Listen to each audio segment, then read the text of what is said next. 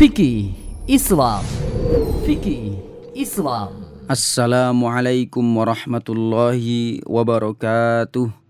Alhamdulillahi wassalatu wassalamu ala rasulillah Wa ala alihi wa sahbihi wa man walah amma ba'd.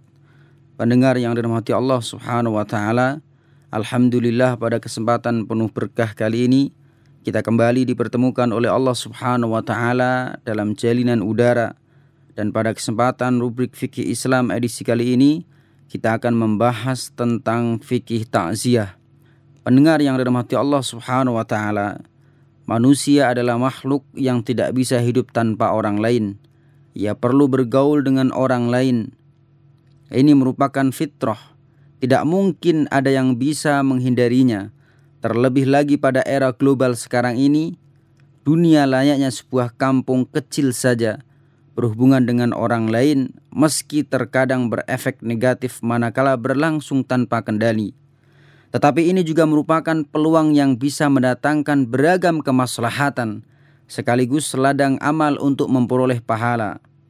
Dan pendengar, Islam sangat responsif terhadap fenomena ini bukan sekedar komunikasi yang bertema dan berskala besar apa saja yang diperhatikannya. Tetapi hubungan yang sangat kecil pun tak luput dari pantauan Islam.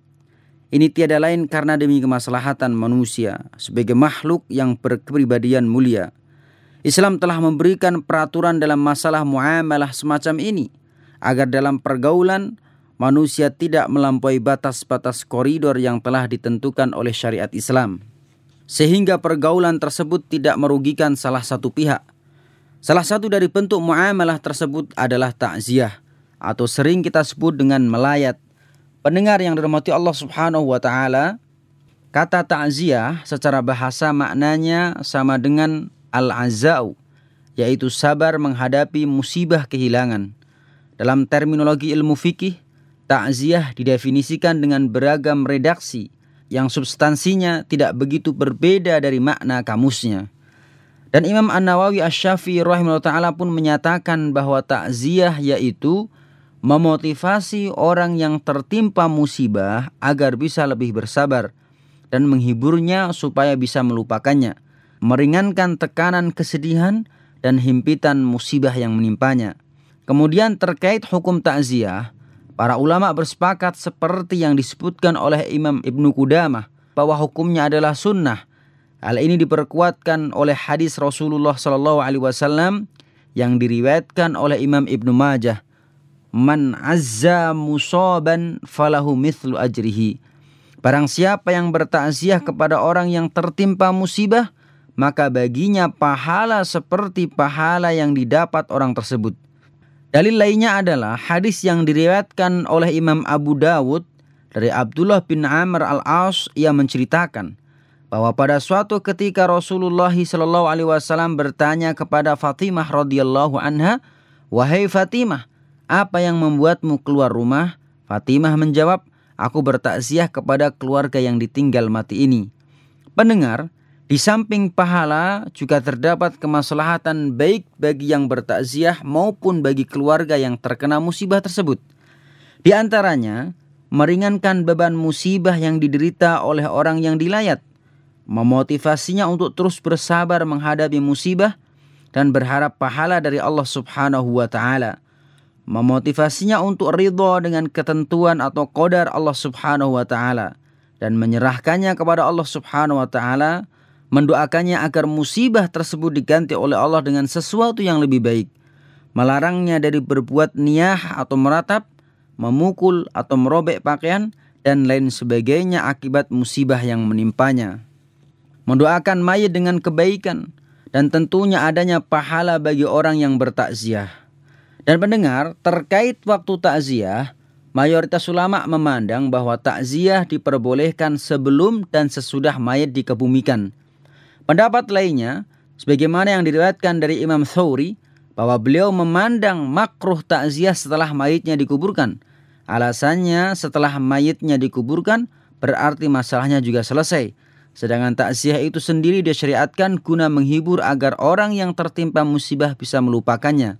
Oleh karena itu menurut pendapat ini hendaknya takziah dilakukan pada waktu terjadinya musibah Karena kala itu orang yang tertimpa musibah benar-benar dituntut untuk bersabar.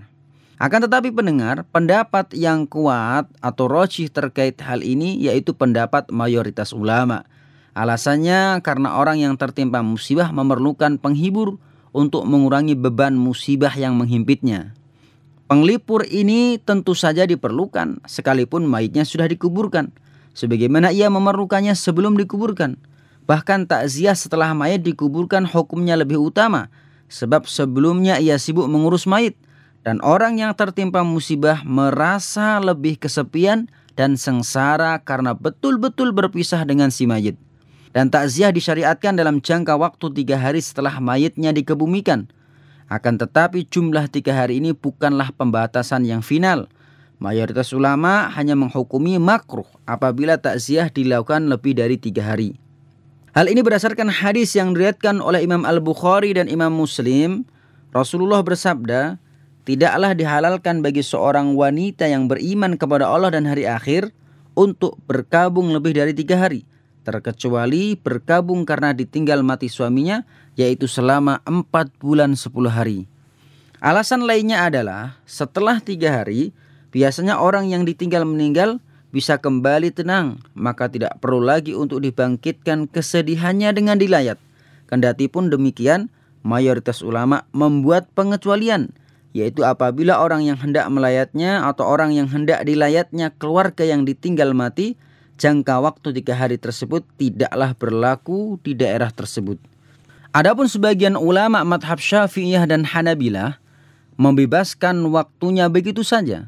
Sampai kapan saja tak ada pembatasan waktunya sebab menurut mereka tujuan dari takziah ini untuk mendoakan, memotivasinya agar bersabar, tidak melakukan ratapan dan lain sebagainya. Tujuan ini tentu saja berlaku untuk jangka waktu yang lama. Yang lebih kuat dari dua pendapat ini adalah pendapat mayoritas ulama yang telah disebutkan tadi. Pendengar yang dirahmati Allah Subhanahu wa taala, demikianlah penjelasan singkat terkait fikih takziah yang bisa kita kaji pada rubrik fikih Islam edisi kali ini. Penjelasan lebih lengkapnya insya Allah akan kita bahas pada pertemuan berikutnya. Semoga kita diistiqomahkan oleh Allah Subhanahu wa taala dalam menggali ilmu-ilmu Allah dan semoga Allah mudahkan kita dalam mengamalkan dan mendakwahkan setiap ilmu yang kita dapatkan. Amin. Wallahu alam. Wassalamualaikum warahmatullahi wabarakatuh.